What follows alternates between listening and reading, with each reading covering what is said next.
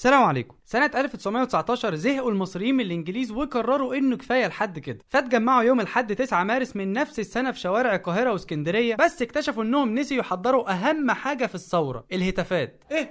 أنت بتهزر يا عصام؟ يا جدعان وأنا أعرف منين يعني إن أنتوا هتكونوا قد كلامكم وتنزلوا؟ خلاص يا جدعان تعالوا نقول الاستقلال التام عشان إحنا مش تمام. لا يا راجل إحنا عايزين حاجة تخوفه كلمة من هنا على كلمة من هنا فاتفقوا يكون الهتاف الاستقلال التام أو الموت الزؤام. طب يا رجالة حلوة أوي الزؤام دي بس إحنا من هنا وجاي بقى إحنا عايزين حاجات نفهمها. إيه اللي أنا شايفه ده؟ إيه اللي أنا شايفه ده؟ إيه اللي بيحصل ده؟ إيه اللي بيحصل ده؟ إيه البواخه دي؟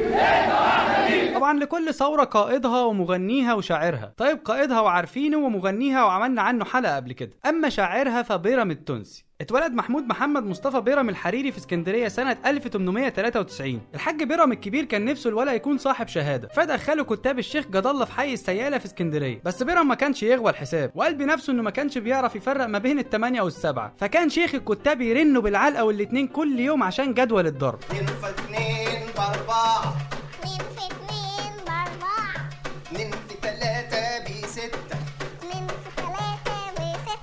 فبيرم يروح لابوه محل البقالة ويترجى انه يسيب الكتاب كل يوم تقريبا بس أبوه يرفض. والمرة الوحيدة اللي وافق فيها لما جاله شيخ الكتاب وقال له يابا مفيش فايدة علمه صنعة تنفعه أحسن. فقرر الحاج بيرم الكبير يشغله معاه أخيرا في المحل لحد ما حاول يدخله المعهد الديني في جامع المرسي أبو العباس زي أغلب ولاد التجار الكبار. وفي المرة اللي حب بيرم فيها التعليم وخلاص بيلاقي نفسه اتوفى أبوه للأسف وهو عنده 12 سنة عشان يسيب له مهمة راجل البيت ويسيب كمان بيرم التعليم.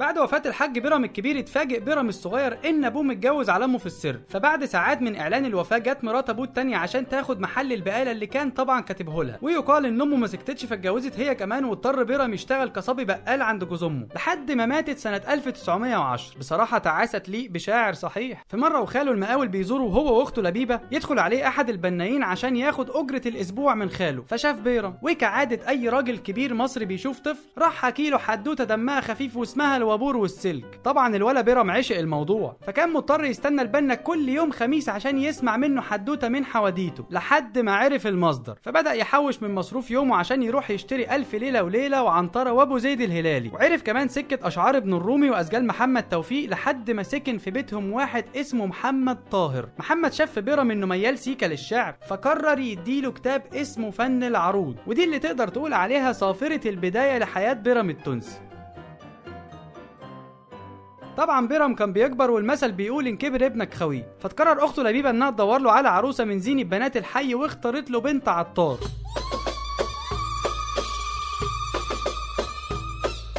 وعقبال ولادكم جميعا دخل بيرم الدنيا وهو عنده 17 سنة. وعاش مع عروسته في تبات ونبات وكما في الأفلام خلفوا أولاد وبنات. محمد ونعيمة.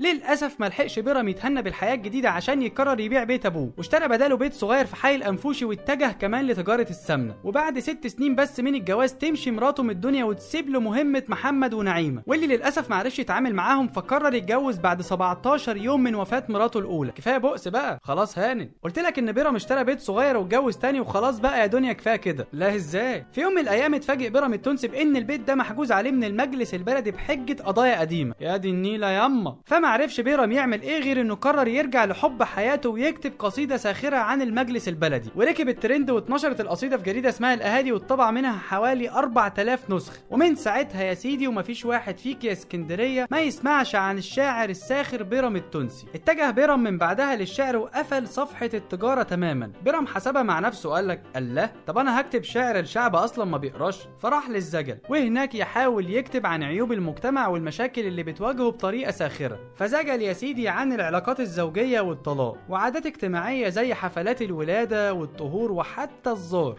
بحبك وبرغم البعد الباعد بيني وبينك بحبك برغم البعد الباعد دي مسافات خلي بالك. أنا قلبي عليكي يا كلبة يا سافلة يا واطية. نرجع بقى لثورة 1919 واللي كانت على وشك تبدأ وعمك بيرم عنده 26 سنة. صدرت أوامر يا سيدي باعتقال ونفي أغلب من شارك في هذه الثورة. فاتنفى بيرم لمسقط رأس أجداده سنة 1920 لتونس. طب والله كويس. للأسف طردوه أهله وقفلوا الباب في وشه زي الكتاب اللي حاول يتواصل معاهم عشان يأسس جورنال. ولأن بيرم كان جاي ومتوصي عليه فبدأ البوليس التونسي يضيق عليه الدنيا لحد ما زهق بس بعد أربع شهور وقال لهم بقول لكم إيه أنا رايح فرنسا. طب والله حلو النفي ده. بالرغم من إن بيرم أخيرا قدر إنه ياخد شهادة حسن سير وسلوك وقدر كمان إنه يلاقي شغل في مصنع للحديد والصلب إلا إن قلبه فضل متعلق بمراته وعياله ومصر. فلجأ بيرم لحيلة كده وهي إنه يختصر اسمه في جواز السفر عشان ينجح فعلا إنه يركب أول سفينة رايحة على بورسعيد سنة 1922 وطبعا من بورسعيد لإسكندرية عشان يتفاجئ هناك بإن مراته طلبت الطلاق في فترة غيابه. ولأن البلد كانت في حالة دوشة فنصحه واحد من صحابه بإنه يختفي اليومين دول وما يحاولش يعمل أي نشاط فني أو أدبي. أنا؟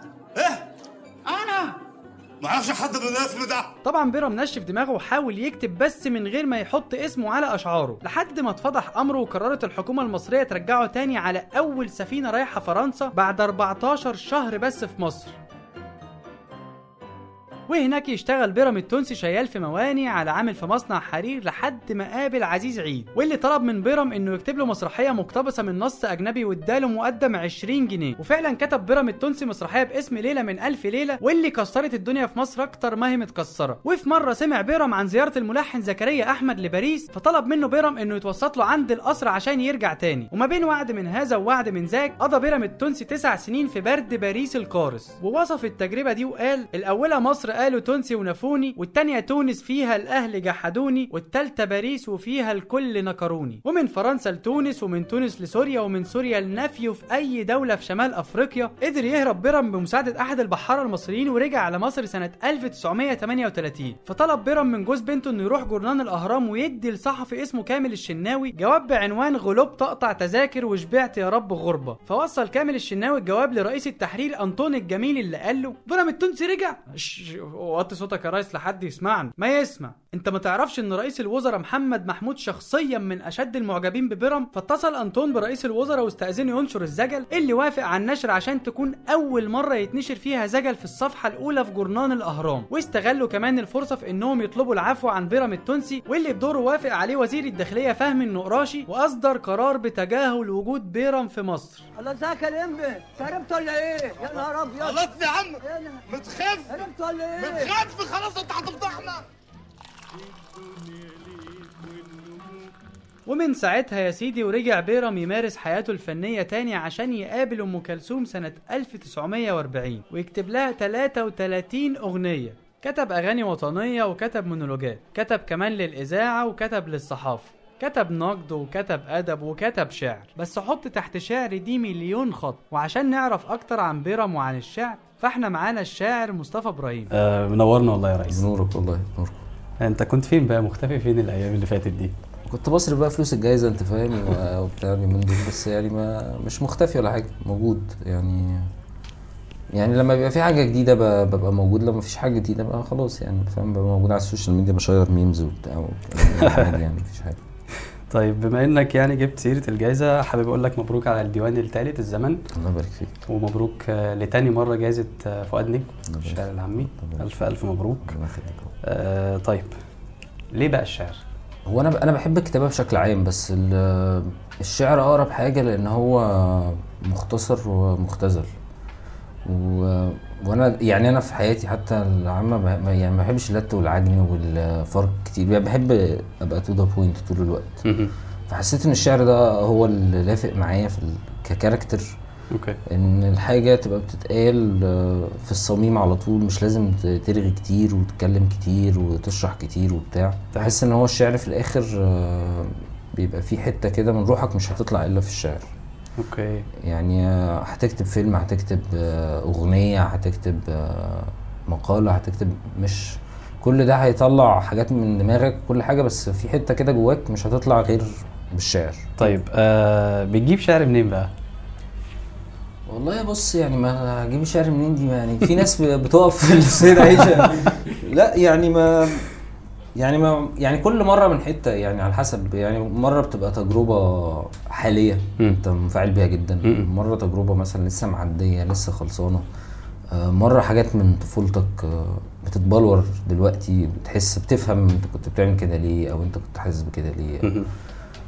فكل مرة من حتة يعني مرة مش ممكن ما تكونش تجربتك انت بتكون بتيميتيت تجربة حد يعني بتحاول تحط نفسك جوه دماغ بني آدم تاني عاش تجربة معينة و... وانت بتحس ان أنا آه أنا أنا فاهم جدا هو حاسس بإيه دلوقتي وفاهم جدا هو بيمر بإيه لو هو عدى بده. في سؤال كده وامتى بتحس إن هي قصيدة وإمتى لأ؟ وده بالمناسبة سؤال محمد يحيى يعني قاعد معانا دلوقتي وشفت بصلك إزاي؟ سؤال عقر قوي سؤال من شاعر لشاعر بقى آه. يعني فمع بعض. يعني إمتى بتحس إنها قصيدة مش إيه؟ ولا بتحس إنها قصيدة في العموم؟ يعني بتحس إنها قصيدة مش أغنية مثلا أو بتحس إنها قصيدة مش كذا؟ أنت بتحس إن هي قصيدة ممكن تطلع للناس أصلا وتطلع الناس دي ع- لما بحس إنها عجباني أنا بشكل شخصي ال- أقدر أدافع عنها. لو أنا لو أنا شايف فيها حتة آه، فيها عوار بشكل معين أو حتة ممكن تعمل بشكل أحسن أو حتة مش مش صادقة أو حتة فاهم؟ ببقى أنا من جوايا عارف إن أنا لما لو حد لقط الحتة دي أنا مش عارف أدافع عنها. فبالتالي أنا مش هطلعها أساسا عشان ما أحطش نفسي في الموقف ده يعني. الشعراء اللي بيكتبوا شعر بجد مش اللي هم أنت عارف مؤخرا بقى أي حد عنده سوشيال ميديا بيكتب ما حدش بيقول له أنت بتعمل إيه أو بينتج بشكل عام وما حدش بيقول له آه طبعا. حقه. آه بس الشعراء اللي هم مش بياكلوا عيش من الشعر. بيعيشوا إزاي من خلال تجربتك؟ يعني بما إنك درست هندسة. فضاء وطيران. ودي حاجة بالمناسبة أنا يعني كان نفسي أدرسها. مش عارف ليه يمكن أنا أنا كان نفسي جدا أطلع رائد فضاء. هل الموضوع له علاقة كان نفسي أبقى؟ رائد فضاء وأنا صغير برضه. أوكي بصرة جدا يعني فاهم يعني؟ بتعيشوا إزاي بقى من الشعر؟ بحيث إنك مش بتعيش بقى من الشعر بتعيش من حاجات تانية بقى جنب الشعر. يعني مثلا ممكن تعمل آه، تحرير. ممكن آه، أنا شغال مثلا في مشروع مع المركز الثقافي الفرنساوي بيعملوا قاموس للعاميه المصريه حلو أوي. بقى لهم 10 سنين مثلا بقالي معاهم مثلا أربع سنين ولا حاجة. حلو. أه بعمل أنا شغل مثلا على جنب حاجات نجارة وبتاع أنا غاوي الحاجات دي. أه في حاجات تانية بقى كتابة مثلا عندك أغنية عندك آه، إعداد حلقة آه، برنامج معين بتاع. حاجات كده على جنب كلها أيوه. أيوه هم بيعتبروا يعني أنت بتعرف تكتب. فبتكتب بقى أي حاجة يعني فاهم إزاي؟ عادي يبقى جايلك أي حاجة بتكتبها بتكتبها. بس ده ملوش علاقة بالشعر يعني فاهم قصدي؟ ملوش أي علاقة بالشعر هو بمهارة الكتابة فقط يعني التكنيكاليتي بتاعت الكتابة مش أيوه أيوه. ف الصنعه يعني. الصنعه بالظبط ف فلا مش هتعرف يعني ما أظنش إن حد يعرف يعيش من الشعر يعني أو دلوقتي ما أعرفش. أه ساعات بحس والله إن الناس اللي هي بتعمل حفلات إن هم برضو يلاقوا تخريجة ممكن تعيش الشعر يعني من الشعر أنت فاهم قصدي؟ برغم إن أنا ما بحبش فكرة إن أنت هتروح تدفع تذكرة عشان تسمع شعر يعني لأن أنا ما بتكلفش حاجة عشان أكتب شعر مش مثلا جايب فرقة وعامل بروفات وبتاع. أنا قعدت كتبت كلمتين في البيت وجاي أقراهم للناس فهاخد فلوس على إيه؟ وبقى بحكي تجربتي الشخصية فاهم. فتحس إن أنت بتبيع نفسك كده إيه رسمي يعني فاهم قصدي؟ ف...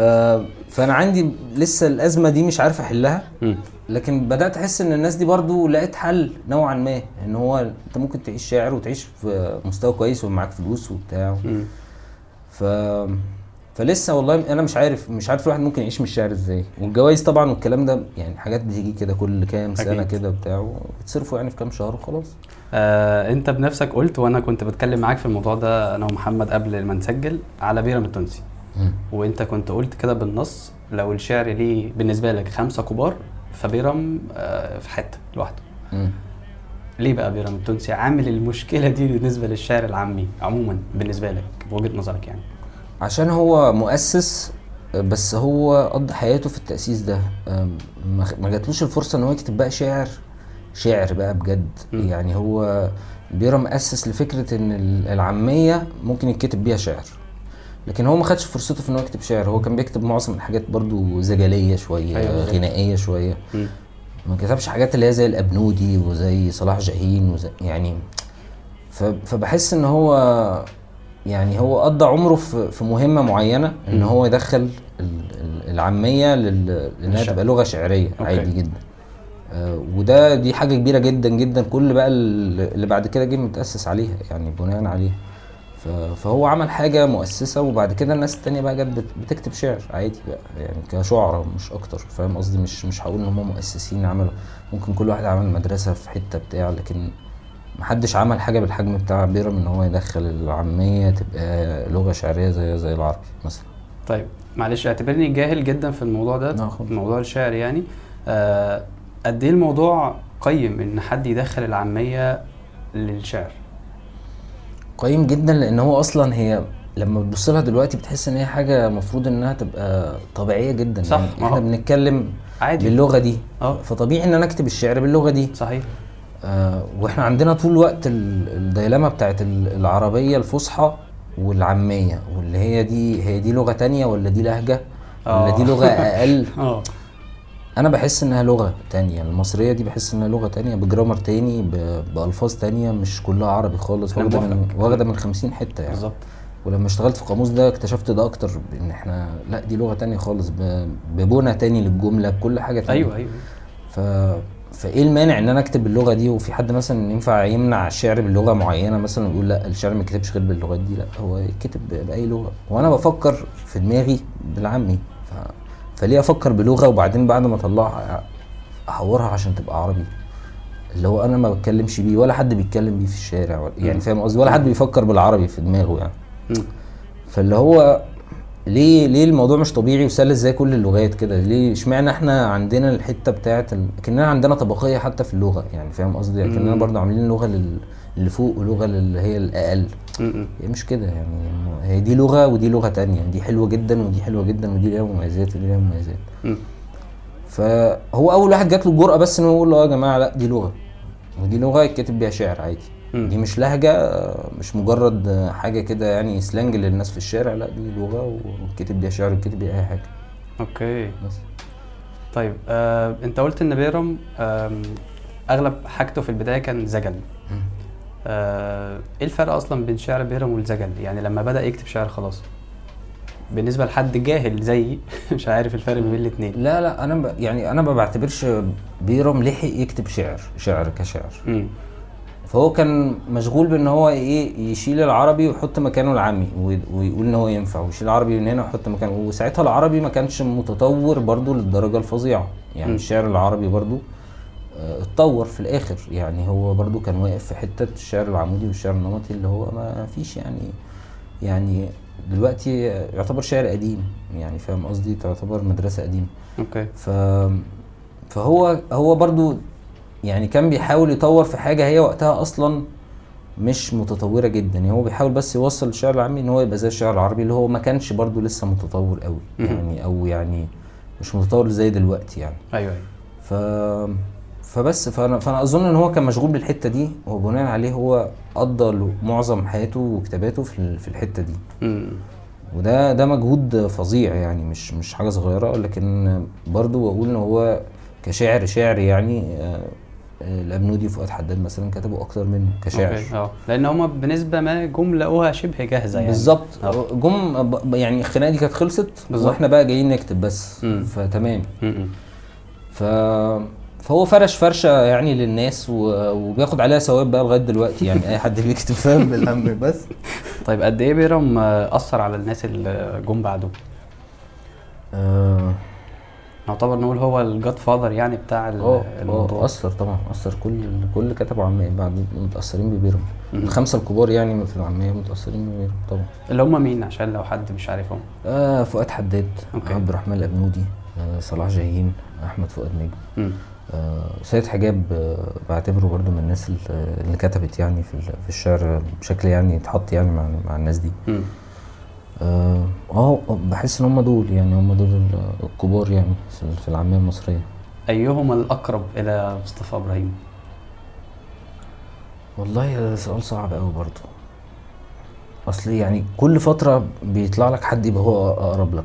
يعني أنا في وقت كان أحمد فؤاد نجم هو أقرب حد ليا. في وقت الثورة بالذات. okay. آه. عشان هو ساند الشعراء اللي طلعوا آه ع- الثورة ولا؟ لا عشان هو ك... هو كاتب في ده كتير قوي. يعني انت كأنك بتدخل بيت بتلاقي صور بني آدم كده في كل حتة ومش عارف إيه. هو سايب في الحتة دي تراث فظيع. يعني في الشعر المقاوم يعني. آه واللي هو الشعر السياسي وبتاع واللي هو الشعر اللي هو مش مجرد مشاعر هو هو شعر مطلوب منك بعد ما تقراه تعمل حاجة يعني. ف ف ففي الوقت ده كان بالنسبة لي نجم هو أكبر حاجة. فصلاح جاهين في وقت كان بالنسبة لي هو أعظم شاعر مم.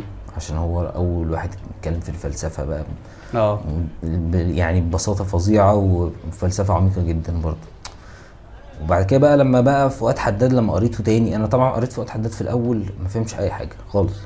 ومبقتش عارف أكمل القصيدة لأن أنا مش فاهم انت القصيدة دي عن إيه؟ يعني أنا عايز افهم القصيدة دي عن إيه؟ بتدور حوالين إيه؟ القصيدة بتروح وتيجي و50 موضوع وفاهم؟ وحاجات مش فاهمها وسطور مش فاهمها. تعبت يعني. بره بقى الحاجات اللي هي مسحراتي والحاجات اللي هي اوريدي سهلة يعني. آه وبعد كده رجعت له تاني. رجعت لفؤاد حداد تاني قريته. بس بقى بعين ناس كانت حضرت فؤاد حداد آه ناس كبار يعني. وهم. قعدوا معايا يعني بالصدفة كده. فكان في حد مش فاكر بيقرا قصيدة فقال لي "أنت- أنت عارف هو قصده إيه هنا قصده كذا كذا كذا. فبدأت أحس إن هو لأ هو أنا اللي غبي مش هو الراجل بيقول طلاسم. هو هو قصده حاجة في كل الكلام ده قصده حاجة بس. أنا اللي مش لاقط يعني. فأنا أديله فرصة تاني. فطبعا أديله فرصة تاني. اكتشف بقى بحر من الشعر يعني حاجة ملهاش آخر. وكل ما تيجي تكتب في حاجة تلاقيه هو يعني خدها رايح جاي أصلا وخلصها وبتاع. يعني مؤخرا مثلا كنت بدأت أكتب ترجمات شعرية لحاجات أجنبية بال- بالعامية. وكنت متخيل إن دي حاجة يعني تجربة جديدة إن أنا باخد مثلا قصيدة هي مترجمة مثلا عن الإسباني آه، مترجمة فصحى. وأنا باخد النص الفصحى ده بخليه بكتبه تاني بالمصري. أوكي. طبعا ما بيطلعش دقيق بن- بنسبة 100% يعني مستحيل ولكن يعني على قد ما أقدر. أقرب ال آه. حسيت بقى ساعتها إن هو إيه ماشي إدينا بنفتح باب جديد وبتاع المهم فمن كام شهر كده كان عندي جزء ناقص أصلا في الأعمال الكاملة بتاعت فؤاد حداد آه اسمه قال الشاعر مم. جبت الجزء ده ببص يا معلم لقيت الراجل مترجم قصايد فيتنامي وصيني وسنغالي قلت أسود طب هو يعني فاضل إيه؟ يعني مم. خلاص فاهم؟ كل ما تروح حتة تلاقي فؤاد حداد قاعد و... ف فبس فخلاص فما بقتش بقى مشغول بقى بحتة بقى إن إحنا نعمل حاجة جديدة المهم تعمل حاجة حلوة. مم. أو بس. تعبر عنك يعني. بالظبط. آه، حاجة تعبر عنك و... وحاجة تكون جميلة شعر جميل. هو ده ال... ده- الهدف الاسمى يعني في الآخر. بس. الشعر ما فيهوش الحتة بتاعت نمبر 1 طول الوقت صح؟ أظن يعني. إنه يعني ما بيبقاش في مثلا target اتحقق قبل كده فأنا عايز أكسره وعايز أكسر الأرقام القياسية. أصل حد أصل الشعر يعني ما ينفعش يدخل في المنافسه في التنافسية بتاعت الحاجات دي مم. يعني أنا مثلا م- يعني من أزماتي مثلا مع السوشيال ميديا إن أنت مش هينفع تكتب قصيدة وتعملها post وتعمل ال post ده sponsored لأن أنت أكنك إيه أكنك بتعمل إعلان لمنتج بشكل ما. فاهم قصدي والشعر هو في الآخر برضو تجربة ذاتية صادقة مش عارف إيه مش هينفع يعني إيه تدفع لها فلوس عشان تعملها إعلان أنت. فاهم قصدي. يعني حاجة مش دي الحاجة اللي مش مش كده. مش سكتها خالص. ما ينفعش تدخل بتنافسية في, في الشعر. الشعر ده كل واحد ممكن أنا أحس بقصيدة واحد أصلا مش معروف خالص كاتبها ومالوش أي جمهور والقصيدة دي تأثر فيا جدا تخليني أعيط يعني. ولا ولا حد تاني يتأثر بيها خالص غير أنا. أنا فاهم هو كاتب إيه وفاهم هو بيقول إيه وبتاع. هل ده كده معناه إن هو الراجل ده تعبان شاعر تعبان عشان ما حدش بيقرأ له مثلا؟ عشان ما فيش 50 لايكس لا لا. هو هي تجربة وشوف بقى انت بترفق مع ناس بقى شبهك في الحتة دي فكروا في الموضوع ده قبل كده حسوا بالإحساس ده قبل كده. انت وحظك يعني انت بتعبر عن نفسك وفي الآخر وبتشوف بقى ال- هتيجي شبه مين بس. طيب بالنسبة للناس اللي هم بيكتبوا بيجيبوا آلاف اللايكات على حاجات آه، عادية. من وجهة نظر الجميع بس سبحان الله هو يعني الناس بتروح لهم والشيرز بتبقى كتيرة. آه، بتخاف على الشعر كمصطفى إبراهيم بتخاف. على الشعر من الناس دي أو بتخاف على الذوق العام بتاع الشعر من الحاجات اللي شبه دي مش من الناس من الظواهر دي. ساعات آه. يعني ساعات بيجي الاحساس ده. و... وبعدين برضو بحس إن هو ما ينفعش أحس كده. يعني لأن هو مش يعني ما هو من حق الناس دي كلها تكتب اللي هي عايزاه. ومن حق الناس تقرأ كل ده. يعني مش هينفع أمنع الناس إنها تقرأ الحاجات اللي هي اولا شايفها مش حلوة بس هم يعني لا يقروها عادي بيقروها. و- وعجبتهم خلاص عجبتهم. فاهم قصدي؟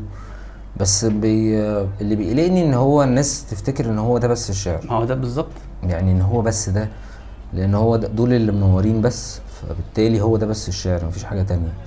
آه لا أنا عايز الناس بس تشوف كله مش أكتر. يعني زي ما بيشوفوا ده يشوفوا ده كمان. يعرفوا إن ده موجود وده موجود وده موجود هم يختاروا بعد كده براحتهم واللي يعجبهم يعجبهم. طب لأي حد بيحاول يكتب شعر. بتنصحه إيه؟ بحيث إنك يعني بقالك عدد كبير من السنين بتكتب. آه يقرأ شعر كتير بس هي دي الحاجة الوحيدة. يقرا شعر كتير على قد ما يقدر و... عربي يعني تقصد؟ آه ولا يعني أقصد أي شعر. أي شعر. أي شعر. مترجم شعر- باللغة العربية. شعر مصري شعر عربي شعر آه، مترجم شعر وحش شعر حلو ويقرا كله. عشان هو نفسه يحس بالفرق و يعني فاهم قصدي؟ لو لقيت قصيده مكتوبه في الشارع مرمية على الأرض تاخدها وتقراها عادي. يعني فاهم قصدي؟ بس تبقى عارف إن هي مش آه هتبقى هرشت إن دي وحشة ليه أو حلوة ليه أو بتاع بكمية القراية بس مش أكتر. أوكي. ف...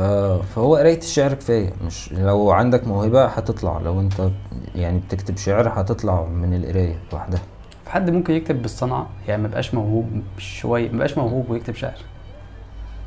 أه صعب. يعني مش موهوب خالص ويكتب شعر صعب. يعني في حتة دايما هتلاقيها شعر في النص. فاهم قصدي؟ مش هيكتب يعني هراء كامل يعني هيبقى فيه في النص شعر لأن هو عنده حاجة بجد. ممكن يبقى هو عنده حتة قد كده ومغلفها بحاجات كتيرة قوي ملهاش لازمة. أوكي. بس برضو مش هقدر أقول إن ده مش شعر. يعني فاهم قصدي. يعني أصلا التقييم بتاع شعر ومش شعر ده برضو خط رفيع قوي. ما تعرفش تمسكه. يعني يعني ساعات بتقرأ نص كله نثري أصلا لو كتب جنب بعضه يعني حتى مش تحت بعضه هتحس إن هو شعر لوحده كده. آه. في حاجة جاية بعد ال... أنا عارف إن ده سؤال متأخر شوية. لا عادي أنت منزل ديوان ما بقالكش كام شهر يعني. آه في حاجة جاية في طريق بدأت تكتب في حاجة أو بدأت أكتب في حاجة أه هي مش شعر بس بدأت أكتب في حاجة كتاب كده صغنن. آه، حاجات آه، أكنها مقالات عن حاجات ليها علاقة بالفلسفة وبالفيزياء وبالرياضيات وحاجات كده. بالفضاء. آه بالفضاء. أرجوك. آه آه هي هي حاجات في الحتة دي. أصل هو خد بالك إحنا في في ال- يعني في العصر ده أنا حاسس إن هو الحاجات دي بدأت تلمس مع بعض أخيرا. يعني بدأت ال- ال physics مثلا quantum physics والحاجات دي بدأت تلمس في حتة شعرية شوية. آه، فكرة مثلا ال ال- ال- العربيات اللي هي دلوقتي فيها auto pilot يعني اللي هي العربيات اللي بتسوق نفسها. آه. فأنت كان زمان عندك سؤال سؤال فلسفي ملوش إجابة في الفلسفة يعني اللي هو بتاع القطر اللي واقف عليه واحد وواقف في الناحية التانية خمسة والقطر ده هيدوس الواحد. آه، بس أنت بإيدك تخليه يمشي كده ويدوس الواحد بدل ما يدوس الخمسة. مم. وكده تبقى انت حققت النفع الاكبر بس انت كده قتلت الراجل ده بإيدك فاهم قصدي؟ آه فمساله فلسفية ملهاش يعني حل أكيد في حاجات هي كده بتفضل زي ما هي يعني بس دلوقتي بقى لازم يبقى لها حل لأن انت دلوقتي عامل عربية بتسوق نفسها مم. العربية دي لو داخلة في في خمس بني آدمين ولو الطريق التاني ده في بني آدم واحد هي شايفة الخمسة وشايفة الواحد ده فأنت هتبرمجها على إيه؟ تقف مش هتقف. يعني انت في حالة مش يعني- هتعرف توقف العربية دلوقتي. العربية داخله كده وكده خلاص. هتعمل إيه؟ فده سؤال فلسفي بقى لازم يبقى تلاقي له حل صحيح. حيث إن برمجيا الموضوع دلوقتي. موجود. آه بالظبط. فاهم قصدي؟ آه حابب تسمعنا أنا بكبر ولا ما- أنا ما عنديش مشكلة بس هي آه ماشي. سامعك في الأيام الصعبة وأنا شحط بفتكر الأيام الصعبة وأنا عيل وبقول عديتهم وأنت قليل مش هتعديهم دلوقتي. ولو الأيام غير الأيام والدنيا غير الدنيا. أنت كمان دلوقتي زمانك واحد تاني أو واحد تالت. أنا بكبر والعالم بيقولي أكبر وأنا ساكت. بيقولي كل ده عادي وإن أنا بكبر في معادي ومفيش شيء يستدعي الأزمة والحزن الفاضي ملوش لازمة. وبص لغيرك حطيت نفسي في جزمة غيري بس لقيتني في نفس الجزمة. ولقيتني بنفس القلب. ولقيت العالم كله بيجري حواليا من نفس الكلب. ولقيتني في بحر الخايفين تايه ووحيد. مش لاحق أراجع مع نفسي أنا مين. خايف من بكرة وخايف أتغير.